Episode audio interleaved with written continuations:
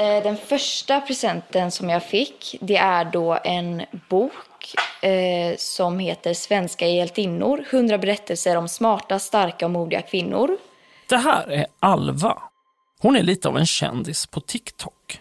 Och i boken så står det till Alva på 18-årsdagen från din vän och sen signerat med då kontonamnet med ett brev och i det här så var det massa, massa hjärtan. Det är många av Alvas följare som hör av sig till henne. Men ett konto hör av sig lite mer än andra. Och det kontot heter Djuren i naturen.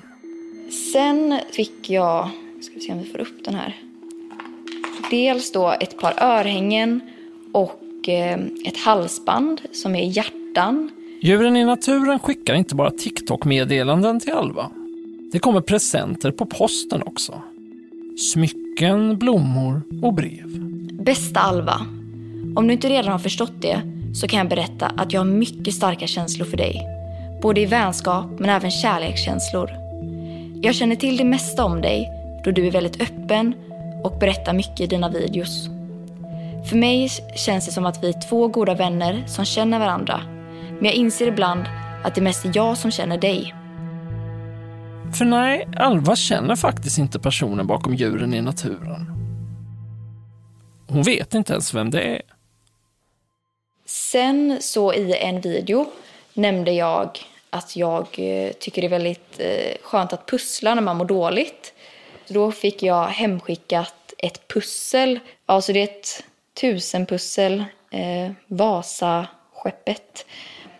Ja, det, det, var den jag började tycka var lite obehagligt för att jag hade nämnt det så snabbt i förbifarten att jag gillar att pussla. Alva försöker tänka så lite som möjligt på det där konstiga kontot.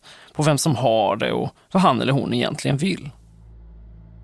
Men en dag när hon går in på TikTok som vanligt så ser hon ett inlägg från en annan influencer. Det har hänt en obehaglig situation och jag känner en viss oro när det kommer till småtjejer på den här appen. Inlägget handlar om djuren i naturen. Den här personen befinner sig i typ alla unga tjejers kommentarsfält. Och direkt så blir jag väldigt rädd. Men sen kände jag också att hur kan jag vara så naiv och så dum att jag inte hade reagerat? Och det ska visa sig att det här bara är början på en väldigt märklig historia. Han spammar om hur mycket han älskar mig och att han saknar mig och hur jag har övergivit honom. Jag gillar inte att alla är så fixerade vid ålder. Man gör inte så mot någon, så få inte för dig att göra något liknande på din kanal. Det omänskliga i det, det förnedrande. Det kanske inte är sant det här som har kommit ut. Det är liksom någonstans där som mitt hjärta bara liksom brast. Jag heter Adam Svanell och det här är Blända, en dokumentärpodd från Svenska Dagbladet.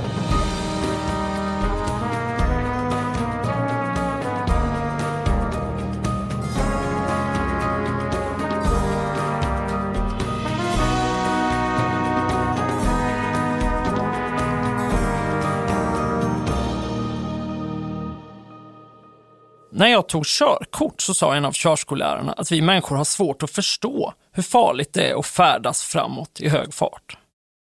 Höga höjder, sa hon, det har vi däremot en instinktiv rädsla för. Hon demonstrerade det här med att visa en overheadbild på en väg med en massa mötande trafik. Och så fick vi svara på hur snabbt vi hade vågat köra på den där vägen.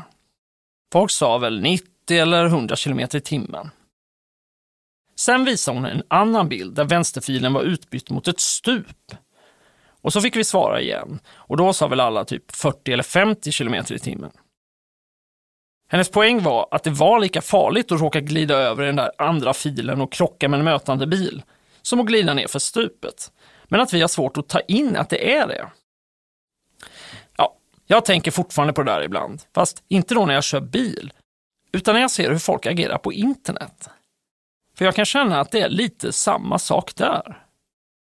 Fast många av oss sköter det mesta av vår dagliga kommunikation i olika appar, så verkar det ofta som vi inte riktigt förstår att det är lika på riktigt som resten av våra liv. Att det vi säger och gör i forum eller sociala medier gälls lika mycket, känns lika mycket och kan få precis lika stora konsekvenser som det vi säger när vi står ansikte mot ansikte med folk.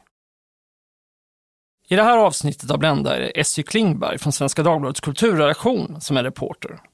Och hon ska berätta om något som utspelar sig på svenska TikTok våren 2023. Det är en historia om unga människor som kastas in i en sorts kändisskap som ingen förberett dem på. Det är en historia om gråzoner, om vad som egentligen är acceptabelt och tillåtet att göra i sociala medier. Och det är en historia om att man på internet aldrig kan vara säker på att något är riktigt vad det ser ut att vara. Okej, nu börjar vi.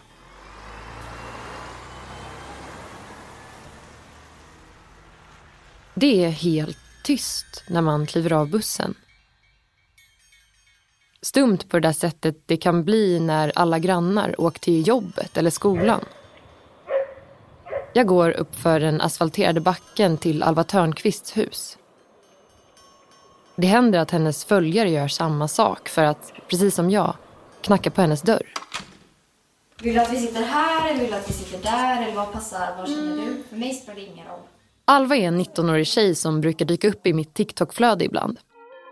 Hon bor här, i ett villa och radhusområde utanför Göteborg, med sin familj. Välkommen till första vloggen från fjällvandringen. Alva Törnqvist är inte riktigt en typisk influencer och ser sig inte heller som en sån. Denna vloggen är från dagarna innan julafton. Videorna handlar inte om mode eller events. De har ett lugnt tempo och visar ofta någon alldaglig syssla. Som att hon lagar lasagne, ritar eller städar sitt rum. Och nu ska jag dela med er av ett recept jag har kommit på. Så skiva först två vitlöks. Jag förstår att det inte är hälsosamt att ha alldeles för mycket fett på kroppen eller... Alvas signum är hennes trygga röst. Och hon delar ofta med sig av vardagsobservationer. I morse så vaknade jag till att det öste ner snöblandat regn. Det måste nog vara det tråkigaste nederbördet någonsin.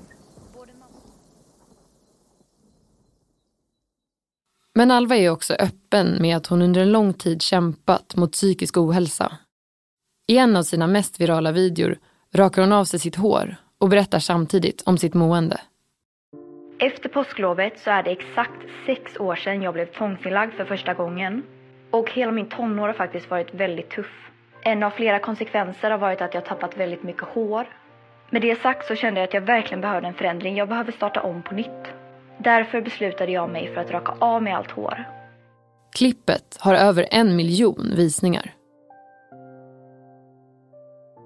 Och det här fick ju väldigt mycket respons, alltså både från killar och tjejer. Och det var mammor som berättade att eh, när de var min ålder att de hade liknande problem och det var unga tjejer. Och typ den responsen upplevde jag att jag blev glad av den. Inte eh, såklart glad av att höra att folk mår skit, men dels att man inte känner sig ensam, men också att jag kan hjälpa till. Eh, och typ, ja men bara att jag delar med mig av hur jag mår så kan, alltså känner inte folk sig ensamma och sådär.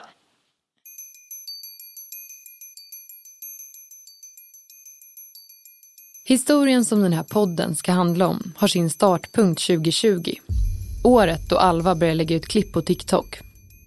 Hon får mycket kommentarer och ett konto som kommenterar flitigt är anonymt. Kontot heter Djuren i naturen och profilbilden föreställer en sengångare.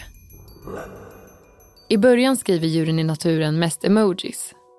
Det kunde vara lite hjärtan, eh, nallebjörnar.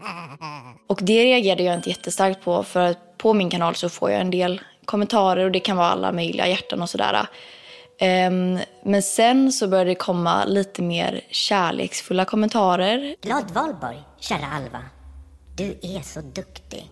och att det här kontot eh, verkligen eh, uppskattade mig som en vän eh, och pratade som att vi hade väldigt mycket gemensamt. Till exempel när jag pratade om saker jag gjorde med min hund, att jag skulle mysa med min hund på kvällen, så kommenterade det här kontot att Jag hade gärna varit din hund. eh, när jag eh, var och vandrade med min familj eh, och filmade mycket därifrån eh, så kommenterade även det här kontot att Åh, vad mysigt. Jag hade gärna velat följa med. Alva antar att det är ett barn som har kontot. Förmodligen en liten flicka. det här med att säga du är min bästis och sådana saker skulle jag, det kopplar jag till att det är ett barn. Men på Alvas 18-årsdag tar kontakten med kontot en ny form. Jag och min mamma var ensamma hemma och eh, vi skulle fira min födelsedag. Då hade hon lagt fram på vårt köksbord eh, ett paket och så sa hon det här är till dig eh, och det är från eh, ett konto. Paketet är prydligt inslaget i presentpapper. Det innehåller den där boken som Alva berättade om i början, Svenska hjältinnor. Och i boken står det Till Alva på 18-årsdagen. Från din vän. Djuren i naturen. Jag fick först lite skuldkänslor för jag förstod att det var en följare på TikTok. Eh, och då fick jag skuldkänslor för att den hade köpt någonting till mig. Alva känner att hon behöver tacka. Så hon bestämmer sig för att börja följa det låsta kontot. Men det finns inga videor som visar vem personen är utan hela kontot är fyllt med små klipp på djur. Eh, Och det gav mig också en känsla av att det här måste ju vara ett barn. Därefter så började jag även trappa upp eh, kommentarerna på sociala medier. Alva lägger ut en video där hon nämner att hon gillar att pussla. Och just det, jag har börjat pussla jättemycket. I alla fall, ha nu en fin helg. Hej då! Och sen bara någon vecka eller några veckor senare, då fick jag hemskickat ett pussel eh, och ett brev. Och jag kan säga att där var första gången jag blev lite så här, gud den här personen har verkligen lyssnat på vad jag har sagt i min video och snappat upp det och sen gått och köpt någonting eh, som liksom har med det att göra.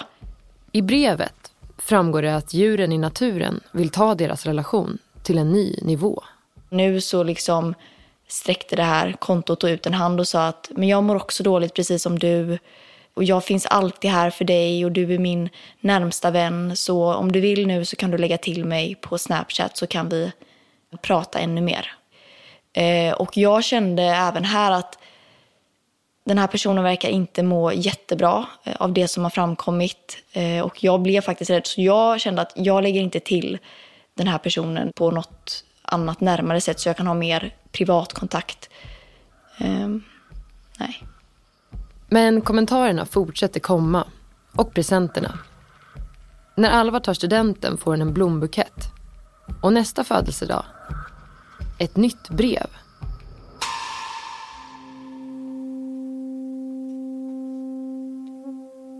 Sociologen Stanley Milgram, ni vet han som låg bakom det där lydnadsexperimentet där folk blev beordrade att ge någon annan elchocker. You're gonna get a shock, 180 volts. I can't stand the pain. Let me out of here. Can't stand it. I'm not gonna kill that man, there. Han myntade på 70-talet begreppet familiar strangers, välbekanta främlingar.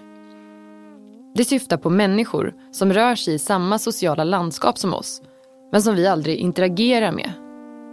Tjejen i kassan på det lokala kaféet, grannen som alltid tar samma buss eller tiggaren utanför tunnelbanestationen. I takt med att en allt större del av våra liv utspelar sig på nätet finns allt fler av dessa välbekanta främlingar där istället. Det kan vara någon vi följer, en kompis kompis exflickvän eller en bloggare som ständigt dyker upp i flödet med nya sponsrade inlägg. God morgon! Hur mås ni älsklingar? Personer som vi med teknikens hjälp fått veta så pass mycket om att de förmänskligats. Som sociologen Chris Rojek beskriver det. För många TikTok-användare är Alva en sån där välbekant främling. Men för en del är hon något mer. Med ett par knapptryck kan man enkelt få veta massa saker om henne. Och vissa beter sig som om de faktiskt känner henne på riktigt.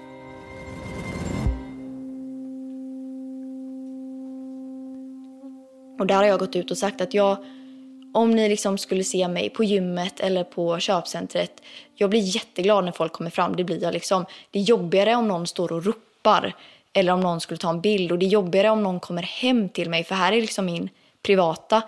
Jag förstår fortfarande inte för att jag ser inte mig själv som en så här TikTok-profil.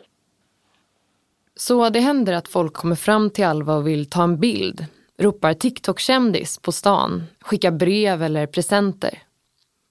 Men djuren i naturen går längre än någon av hennes andra följare har gjort. I nästa brev som kommer framgår det nämligen att personen bakom kontot är kär i henne. Bästa Alva, nu är det din födelsedag igen. Och jag vill passa på att gratulera dig med en liten men mycket personlig gåva. Bifogat i brevet ligger örhängen och ett halsband. Hoppas verkligen att du inte tycker att detta är för mycket, för det tycker inte jag. Brevet är undertecknat Djuren i naturen. Men den här gången står där också ett riktigt namn. Mattias. Djuren i naturen är alltså ingen liten flicka som Alva trott, utan en kille. Jag är en mycket tjejig kille till sättet och därtill även feminist. Jag umgås enbart med tjejer och djur. Och jag bor på en liten paradisö öster om Stockholm i en egen lägenhet. Jag har precis som du tagit studenten men jag vill inte plugga vidare så jag har valt ett arbete genom sjukvården som är roligt. Jag är precis lika myndig som du men jag känner mig inte vuxen och jag tror inte att jag kommer bli det helt. Till en början så har jag tänkt att det här är nog en ganska ensam person som vill ha en vän och gärna en person som den kan relatera till, eh, som också kanske mår dåligt då, som jag har varit väldigt öppen med. Men med det här brevet så kom det fram att den här personen då var förälskad i mig och hade väldigt starka känslor. Mina intressen är djur och natur, båtar och sjöliv. Jag har en egen liten båt som jag brukar kampa i. Och du är välkommen att följa med.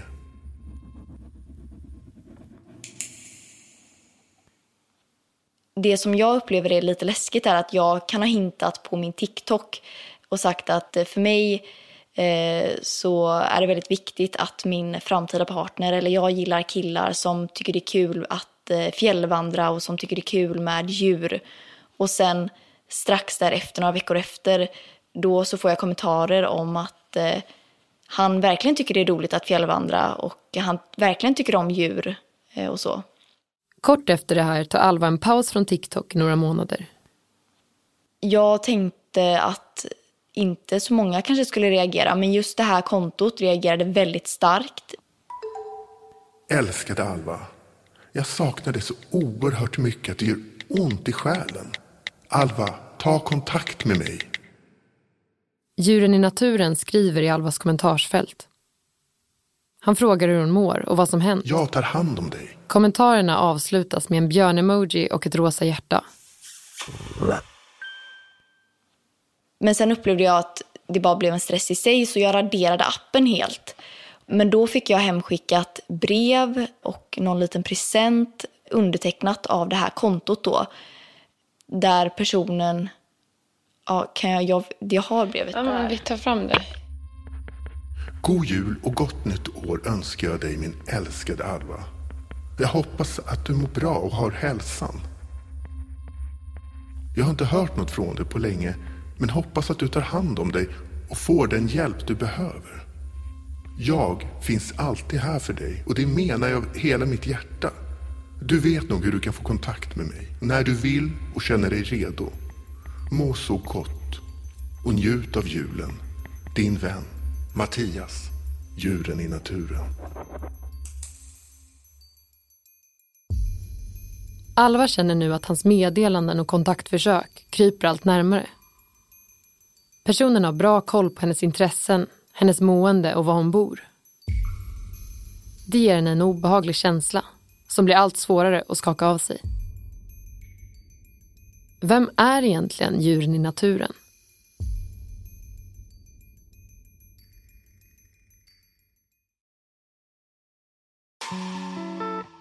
I en annan del av landet, utanför Stockholm, bor Karma Sarenbrant.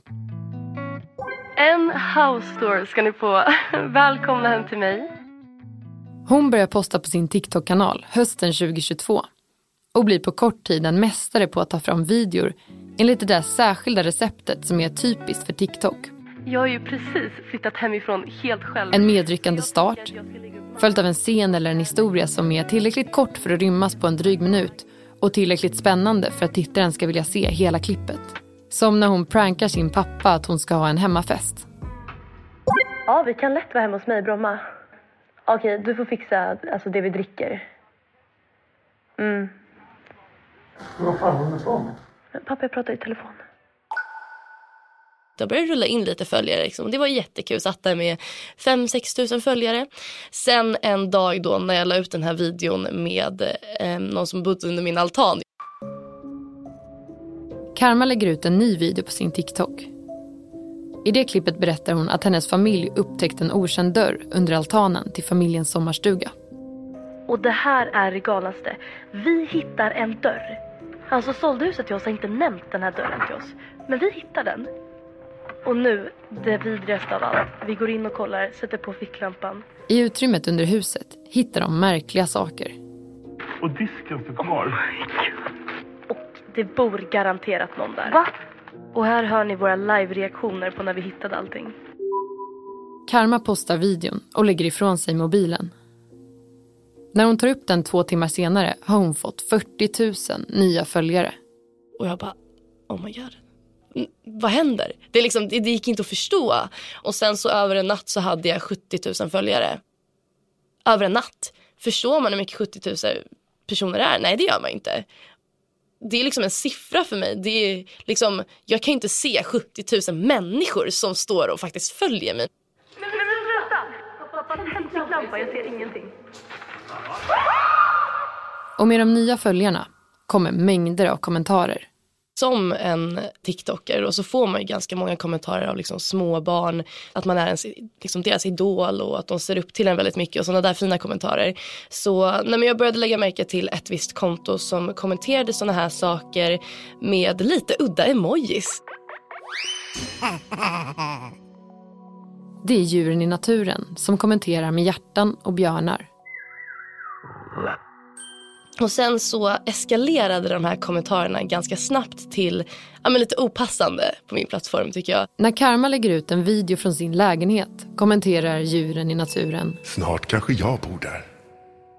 Och jag la ut en video när vi prankade min pappa att jag var gravid till exempel och han kommenterade. Jag kanske är pappan. Och då kändes det ju väldigt liksom, obehagligt liksom, och väldigt ja, men opassande. Karma blir också kontaktad på Instagram där djuren i naturen skickar långa meddelanden. Där det stod typ hej hej jag önskar att vi skulle kunna vara kompisar. Karma svarar inte på meddelandena. Men sen när jul började närma sig så kom det ett paket hem. I paketet ligger samma bok som Alva fick, Svenska hjältinnor. Och ser då direkt att det står ett långt brev i. Älskade Karma. Jag önskar dig en synnerligen god jul och ett gott nytt år. Det är svårt att beskriva hur mycket du betyder för mig. Men jag tror att du förstår det. Och jag tänkte direkt att det här är en äldre person för det är inte ett barn som skriver ett brev med synnerligen god jul. En sak som jag önskar mig av tomten i år är att du och jag får privat kontakt och blir riktigt goda vänner. Du hittar mig på TikTok och Snap. Din vän. Djuren i naturen. Till en början bestämmer sig Karma för att ignorera personen. Hon hoppas att intresset ska avta av sig självt. Men kommentarerna fortsätter komma och efter ett tag väljer hon att blocka djuren i naturen. För att jag kände att äh, det här är opassande, jag vill inte ha det i mina kommentarsfält.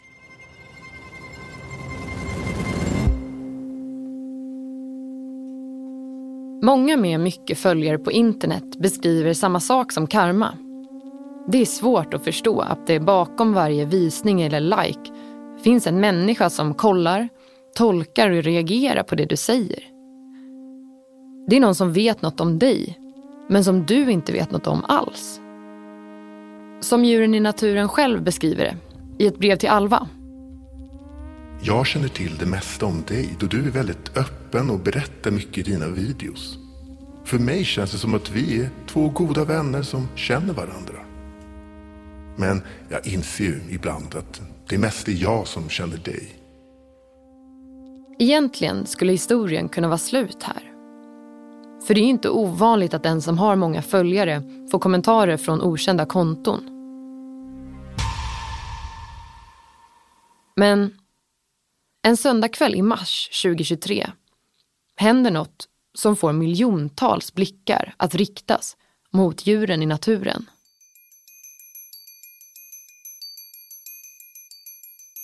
Alva är hemma och kollar YouTube med sin pappa.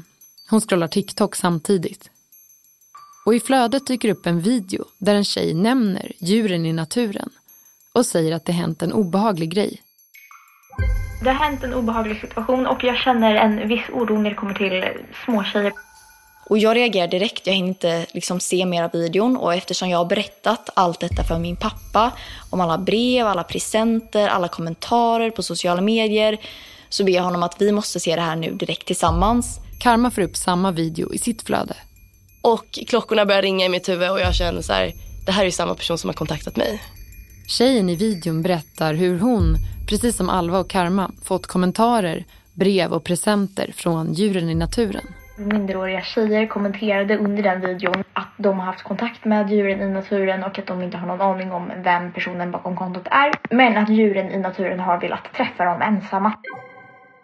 Personen som gjort videon säger att hon lyckats få fram vem djuren i naturen är.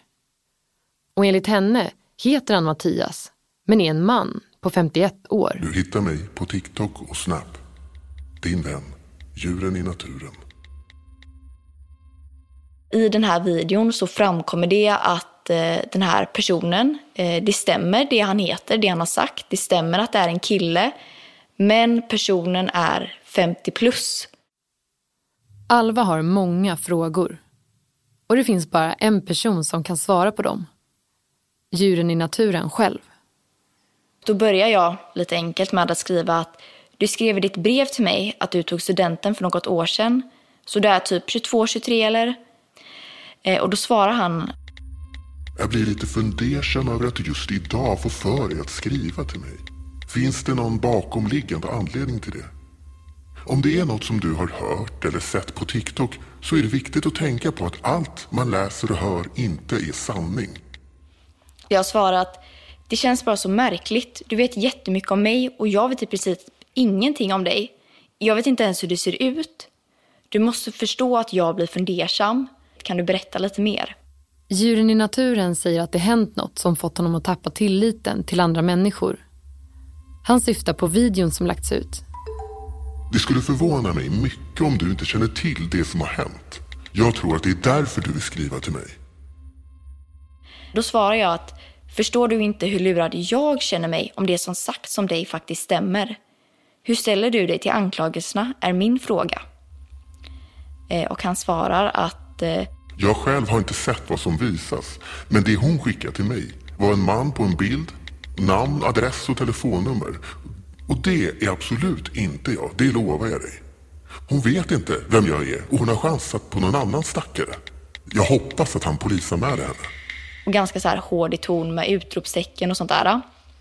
Och jag svarar ingenting på de här meddelandena, men han skickar fem meddelanden i rad. Här kanske det är på sin plats att förtydliga några saker. Tjejen som säger sig ha identifierat djuren i naturen nämner i sin video att han är 51 år och heter Mattias. Men hon säger inte hans efternamn. Hon visar upp ett foto där hon har maskat hans ansikte. Men det dröjer inte länge innan andra TikTok-användare med hjälp av bildsöktjänster får fram vilken Mattias som är på bilden. Flera av dem lägger ut hans fullständiga namn på sina egna konton. En del av dem lägger till och med ut hans adress och telefonnummer. Men djuren i naturen hävdar alltså att han och den utpekade Mattias inte är samma person.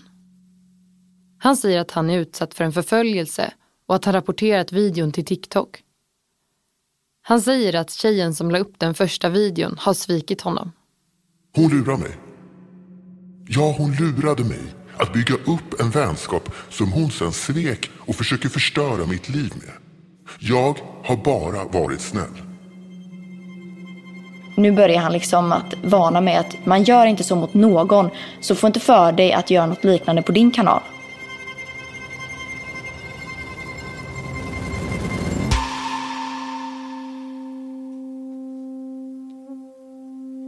På sociala medier kan man lätt uppleva närhet. Och kanske är det där extra påtagligt på TikTok. Det är inte tillrättalagda statiska bilder som på Instagram. Det är inte text och familjebilder från någon semester som på Facebook. Utan det är videoklipp, Ofta filmade med framkameran. Ofta relativt oredigerat. Nästan som om du skulle facetima med personen. Det skapar en extra intim atmosfär. Och flödet är oändligt. Om du vill se unga tjejer kommer algoritmen märka av det och mata dig med fler klipp på unga tjejer.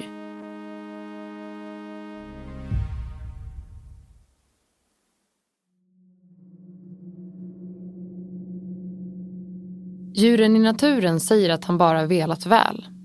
Han verkar inte förstå att många upplevt beteendet som närgånget och påträngande. Och för Alva blir konversationen med djuren i naturen frustrerande. Eh, och jag har svarat, vem är du då? Kan du säga din ålder nu? För jag, bli, jag blev verkligen, ja, jag blev frustrerad och osäker. Jag gillar inte att alla är så fixerade vid ålder. Det borde inte ha någon betydelse. Det är hur man är som person som betyder något. Du umgås väldigt mycket med din pappa. Och jag umgås mycket med min mamma. Men vi kan umgås med olika åldrar. Unga och gamla. Det spelar ingen roll. Så här får man ju lite, ja, men, tycker jag ändå bevis på att han är nog lite äldre. Alva bestämmer sig för att göra en egen TikTok-video om djuren i naturen. Denna videon är superviktig, så kolla på hela. Igår så såg jag att TikTokaren hade lagt ut... Hon berättar om breven, meddelandena och om deras konversation. Hon nämner inte efternamnet på den utpekade mannen, men hon säger att han heter Jag Mattias. trodde 100% att det var en liten flicka, men... Karma gör också en video. Varför jag fick en så stor hjärtattack är att jag själv har fått massa konstiga kommentarer av den här personen på mina videor. Till exempel i den här videon när De vill göra sina följare uppmärksamma på anonyma konton och påminna om att alla inte är dem de säger sig vara. Fick väldigt mycket respons. Väldigt mycket tjejer som skrev att de har varit i kontakt med kontot. Ja, det är många som hör av sig till både Alva och Karma. Jättemånga. En del har skrivit med djuren i naturen på TikTok. En del på Snapchat. En del på Instagram. Och många av dem är inte alls lika gamla som Alva och Karma. En del under 15 år. Det var liksom någonstans där som mitt hjärta bara liksom brast. För att man förstod att det var flera yngre tjejer som hade varit i kontakt med honom i flera år.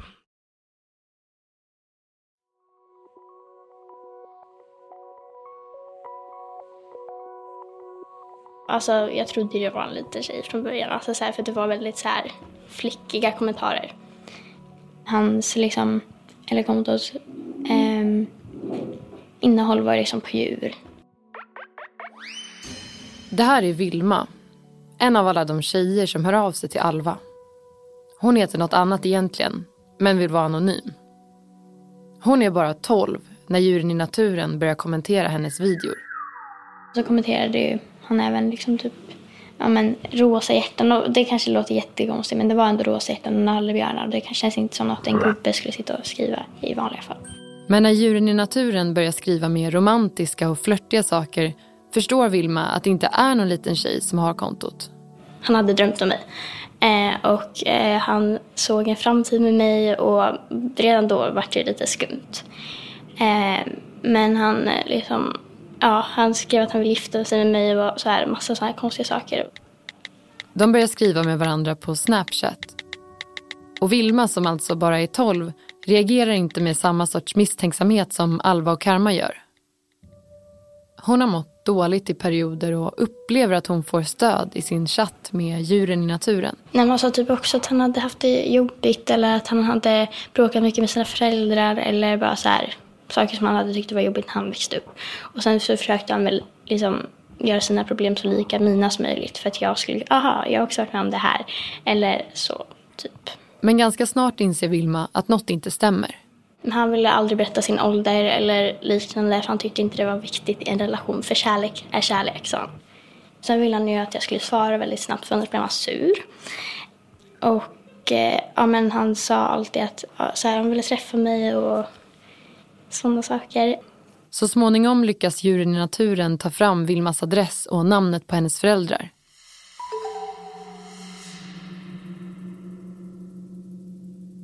Han hotar med att sprida hemligheter som Vilma berättat för honom om hon inte svarar snabbt på hans meddelanden. Jag minns att om jag hade till exempel varit i skolan under dagen och inte haft min telefon så hade jag kunnat få typ 20-30 meddelanden. Och då är det så här, han spammar om hur mycket han älskar mig och att han saknar mig och hur jag har övergivit honom eller ja, sådana saker. Vilma vill blocka kontot, men vågar inte. Till slut börjar hennes lärare ana att något är fel. Och Vilma berättar om djuren i naturen. Samtidigt som det var skönt så blev jag ju rädd av att jag hade delat med mig av det för jag fick ju inte berätta för någon. Läraren bestämmer att de ska ha ett möte tillsammans med hennes förälder. Där kommer de fram till att Vilma ska blocka kontot. Jag eh, gick hem och blockade honom och jag var jätterädd hela den natten för det kändes som att han skulle göra någonting. Det kändes som att han antingen skulle han typ komma hem till mig och göra någonting. Eh, han, hade en, han hade ändå koll på vart jag bodde.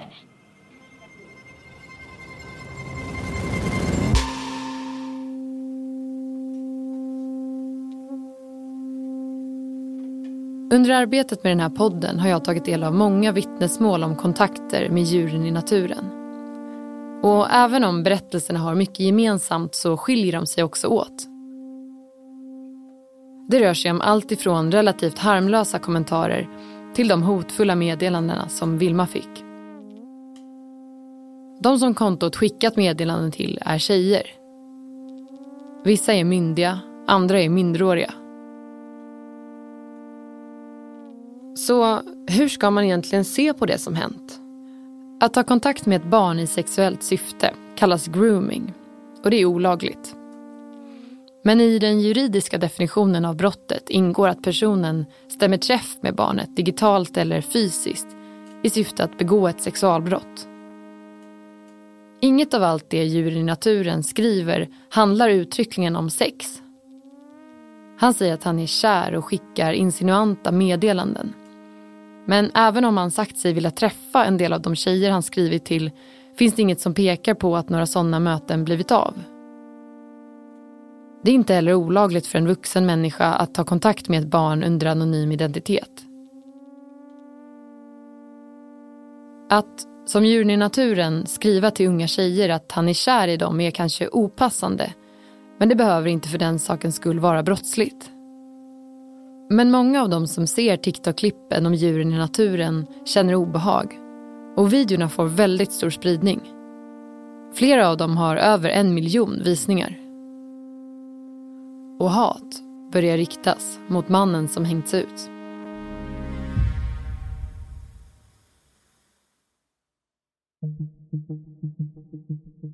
Ett mystiskt anonymt konto som trakasserar unga tjejer på TikTok. Några influencers som får nog och använder sina plattformar för att slå tillbaka. Det var det jag tänkte att vi skulle berätta om i den här podden. Men det ska visa sig att historien om djuren i naturen är betydligt mer komplicerad än så. Jag kontaktar Mattias, den 51-årig man som pekats ut som personen bakom kontot. Äntligen ska allt få en förklaring, tänker jag. Men istället får jag höra en helt annan historia.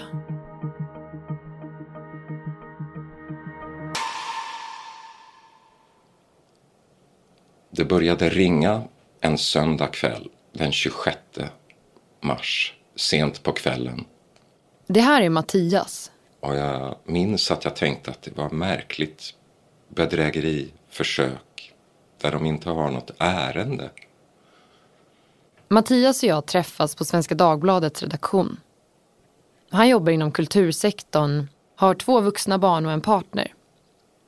Och för honom börjar den här historien med att det ringer i telefonen. Ja, ibland fnissades det lite och ibland hotades det lite på något kryptiskt sätt. Mattias förstår inte vad samtalen handlar om. Det fortsatte och växte. Och efter 24 timmar så polisanmälde jag det hela eh, som ofredande. Ja, för Mattias menar alltså att han inte har något med kontot Djuren i naturen att göra. Och att han aldrig hört talas om kontot innan hans identitet kopplades ihop med det. Han säger faktiskt att han inte ens visste vad TikTok var innan det här hände. Jag kände inte till TikTok överhuvudtaget. Jag förstår att det är en person som har kontaktat och följt en större mängd tjejer, omyndiga och myndiga. Sen är det jag vet att jag har eh, plötsligt blivit utpekad utan någon slags bevisning. Jag har blivit uthängd med eh, namn, bild, adress och personuppgifter. Eh, man har publicerat eh, min årsinkomst, mitt bilinnehav. Jag har fått ungefär 600 påringningar av anonyma, dolda nummer. Jag har fått eh, många sms, konstiga sms, sliskiga sms, hotfulla sms och hatiska sms. Jag har personligen blockerat bortåt hundra eh, mobilnummer. Jag förstår inte. Jag har ingen aning om vad eh, upphovspersonerna har för bevisning. Kontot Djuren i naturen har alltså skrivit till flera tjejer att han heter Mattias i förnamn och att han bor på Djurgården. Mattias bor visserligen på Djurgården, men det finns fler Mattias än han som bor där. Så hur kan folk på TikTok vara säkra på att djuren i naturen är just han? Hur kan de ens vara säkra på att det djuren i naturen sagt om sig själv stämmer? Jag har varit i kontakt med tjejen som la ut det där första klippet med en maskad bild av Mattias. Och hon vill inte lämna ut några detaljer om hur hon kom fram till sin slutsats och säger att hon inte vill medverka i någon intervju. Efter allt som hänt har Mattias anmält henne för förtal. Han har också polisanmält alla inlägg som kopplar hans identitet till djuren i naturen. Jag eh, hoppas att åklagaren ska ta upp fallet som ett brottsmål. Därför att dels är det enda sättet jag kan få någon som helst upprättelse. Och jag anser att det här är ett stort nutidsproblem. Att folk, hur goda än intentionerna är, kan smutskasta och hänga ut på det här sättet utan åtgärd.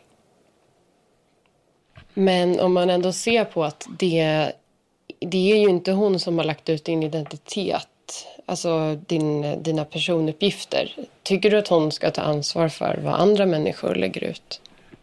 Ja, det tycker jag eftersom hon har pekat i min riktning genom att lägga ut eh, ledtrådar som gör det lätt för vem som helst att eh, ta reda på vem hon syftar på.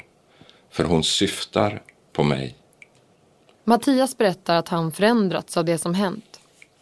Han säger att han ser sig över axeln när han går ut och att han undviker att möta tonårstjejers blick på busshållplatsen. Han är frilansarbetande och hans rykte påverkar hans möjlighet att få uppdrag. Men det jag vill komma till är att eh, mina närmaste har lidit kanske ännu mer än jag. Och eh, de är utmattade av det här, det omänskliga i det, det förnedrande. De är ledsna, bedrövade för min skull. Mattias säger att han anser att det kontot gjort är opassande och att det är en följd av att nätet erbjuder anonymitet. Vilket jag tycker är verkligen beklagligt. Jag har tänkt eh, mycket på den saken och jag har tänkt mycket på om det skulle kunna finnas något sätt för dig att bevisa att det inte är du som ligger bakom det här kontot. Har du kommit på någon sån metod? Nej, det har jag inte därför att eh, jag har en uråldrig dator. Jag har ingen internetuppkoppling hemma. Jag har bara min telefon. Jag skulle naturligtvis ställa allt till förfogande om eh, det blev tal om en teknisk utredning. Och det skulle visa att eh, jag inte är personen bakom kontot. jag kan inte se något sätt. Eh, och det är naturligtvis extremt frustrerande.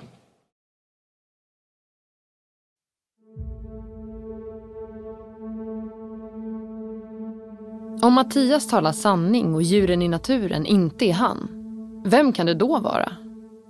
Jag blir nästan besatt av att hitta svaret på den frågan. Kontot är förvisso raderat från TikTok men under hela min uppväxt har jag fått höra att allt man gör finns kvar på internet för evigt. Det känns helt orimligt att djuren i naturen ska ha gått upp i tomma intet utan att gå och spåra. Jag och mina kollegor testar en rad metoder för att identifiera personen. Vi försöker luska fram dolda uppgifter om djuren i naturens sociala mediekonton. Vi visar hans brev för en handstilsexpert. Jag ringer till och med upp blomsterföretaget som levererade buketten hem till Alva för att höra om beställningen lämnat något spår. Jaha, du vet att e- enligt GDPR så anonymiseras ju våra ordrar efter sex månader. Nej, inget av det här ger särskilt mycket. Och till slut måste jag gå tillbaka till ruta ett. De många tjejer som berättat om djuren i naturen. Flera av dem säger att djuren i naturen faktiskt finns kvar på Instagram, men under ett annat namn. Här tänds en förhoppning. Jag skapar ett konto som utger sig för att vara en 15-årig tjej och skickar ett meddelande. Jessica, jag har känt att jag velat prata med någon om mitt mående länge.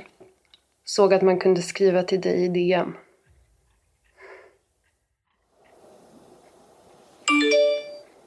Japp, då ska vi se. Efter typ 30 sekunder kom svaret. Hej. Det får du gärna göra. För honom är jag en tjej som går i nian och som mår psykiskt dåligt. Han svarar snabbt på mina meddelanden och skriver också om sitt eget liv. Alla detaljer som djuren i naturen berättat om sig själv återkommer. Att han heter Mattias, bor på Djurgården, har en båt och jobbar inom sjukvården. Många av formuleringarna är nästintill identiska med djuren i naturens brev. Personen skriver att han älskar djur och natur och att han tagit studenten för ett par år sedan. Det känns som att vi på något sätt redan känner varandra och trivs ihop. Ja, vad ska man skriva nu då? Man märker att han inte... Ja, i och för sig han har frågat. Ska du börja gymnasiet? Jag bestämmer mig för att använda vår chatt för att undersöka om personen bakom kontot kan vara den uthängda Mattias. I chatten skickar jag en länk som spårar personens geografiska position när han klickar på den. Genom länken kan jag se kontot som en liten prick på en karta i Stockholm. Det intressanta är att Mattias samtidigt befinner sig utomlands på jobb. Jag får bekräftat att han verkligen är utomlands av hans arbetsgivare. Men för att försäkra oss ytterligare har jag och Svenska Dagbladets grävredaktör Anna Tiberg ett videomöte med Mattias. Som alltså inte har en aning om att vi har kontakt med kontot. Hej. Hej. Hej. Jag är redaktör på Svenska Ja. Dagbladet. Hej. Och eh, nu så... Ja, Mattias. Och du sitter på en buss Ja, jag sitter på en buss i Belgien. i Belgien, okej. Ja, jag förstår. Samtidigt som vi pratar med Mattias chattar vi med kontot och får många meddelanden tillbaka. Alla nummer som jag inte känner till, så de bara dyker upp som en, någon som har försökt nå mig. Mm. Ja, jag förstår. Är, men annars, det är klart det är lugnare, men det problemet... Mattias är djupt engagerad i vårt samtal och vi kan konstatera att han inte deltar i den snabba chatten på min mobilskärm. Det framstår alltså som orimligt att det skulle vara han som ligger bakom kontot.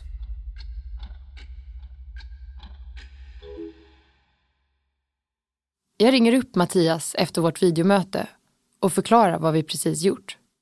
Känner mig väldigt tacksam att du gjorde den där manövern. Liksom. Det är en, en positiv utveckling för mig. Men eh, alltså, från mitt perspektiv har ju ingenting förändrats. Mattias har kontaktat TikTok och försökt få ner de videor där hans adress, namn och bild syns. Men filmerna ligger kvar och Mattias får fortfarande hotfulla samtal från främlingar. Jag är ju liksom extremt frustrerad på TikTok. Och jag har skickat in allting och det händer ingenting. Han känner en maktlöshet eftersom informationen redan fått så pass stor spridning. Sen kommer jag få jobba som en galning för att försöka återupprätta mig själv bland ja, kollegor och i, på något vis. Jag hör av mig till Alva igen och berättar vad som framkommit. Att vi chattat med kontot i Stockholm medan Mattias var utomlands. Och att han inte kunnat skriva till oss samtidigt som videosamtalet pågick. Jag är typ helt chockad. Alltså, jag var verkligen jätteövertygad. Det kändes som att det var så starka bevis för att det var han. Jag ser ändå mitt ansvar i det här. Även fast som sagt inte jag har lagt ut hela hans namn så är vi också ansvariga för att fel person har blivit uthängd. När jag pratar med Karma säger hon att hon blev orolig redan första gången hon såg att andra konton hängt ut Mattias med namn och adress. Hon gjorde som man inte kan skriva ut de uppgifterna i hennes kommentarsfält. Det blir ju absolut en stress när jag bara insåg att gud, nu är hans, hans namn ute och jag försökte kontakta personerna som la upp det här och skrev så här, ni kan inte skriva det här. Alva ser i efterhand att hon borde varit mer kritisk när hon hörde av sig till personen som kopplat samman djuren i naturen och Mattias. Att jag har mycket följare och det jag säger och så här, det kommer spridas.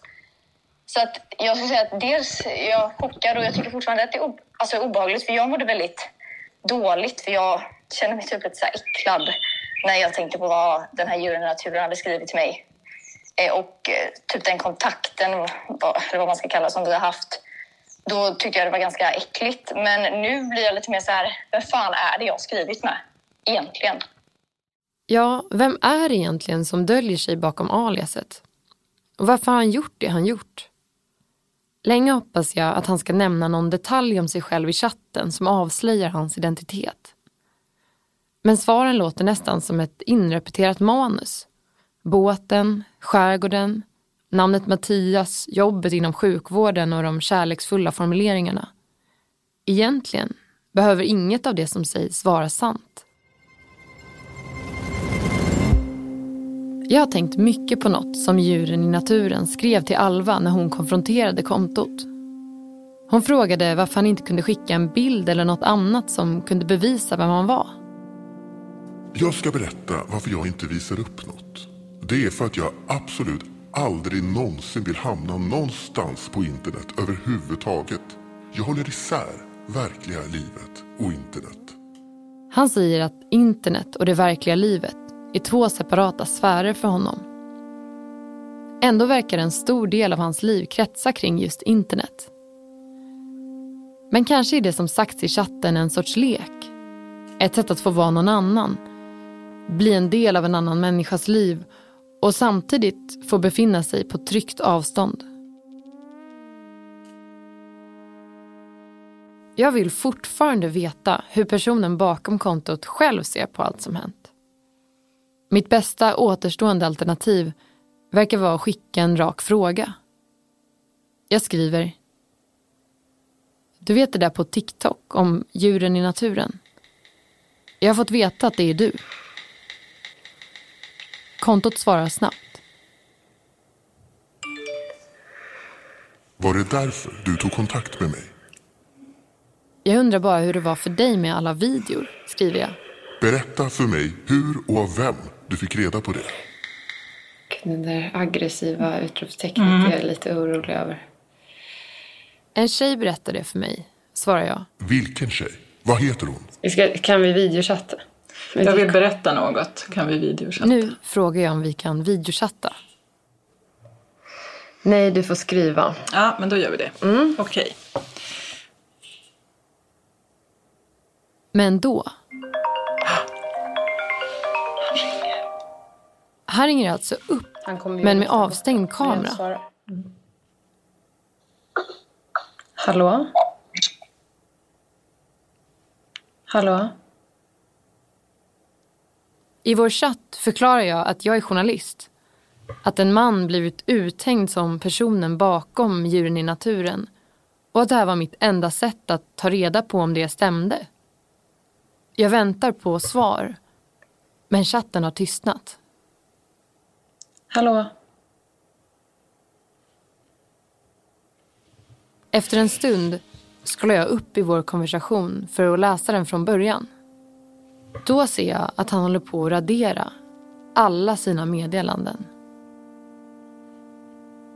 Sen blockar han mig och försvinner.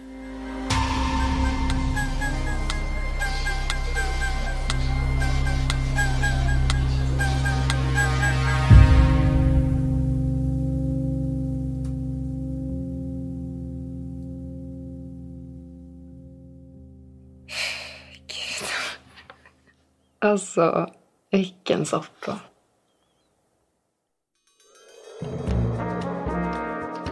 Du har lyssnat på Blända, Svenska Dagbladets dokumentärpodd. De bästa ställena att ta del av den här podden är i Svenska Dagbladets app eller på svd.se blenda. Där kan du höra alla avsnitt direkt när de släpps och ta del av artiklar och en massa extra material från avsnitten. Lyssna gärna på de tidigare avsnitten av podden också och på vår följetong Dynastin som handlar om Jan Stenbecks barn, arvtagarna i Sveriges mest färgstarka finansfamilj. Reporter den här gången var Essy Klingberg. Producent var Daniel Persson Mora, som också gjorde rösten till Djuren i naturen. Researcher Janni Pirtesalo Sallinen. Grävredaktör Anna Tiberg. Slutmix av Elin Rosenberg. Med i redaktionen är också Daniel Kederstedt, Teresa Stenler från Matern och Julia Vireus. Alla ljudklipp i avsnittet som vi inte spelat in själva kom från TikTok. Jag sökt TikTok för att höra hur de ser på hela historien med djuren i naturen. Men företaget har inte återkommit. Ledmotivet är skrivet och framfört av Martin Hederos. Den grafiska formen är gjord av Henrik Malmsten och Ebba Bonde. Ansvarig utgivare är Anna Kareborg. Programformatet Blenda är framtaget i samarbete med produktionsbolaget Banda och jag som är redaktör heter Adam Svanell.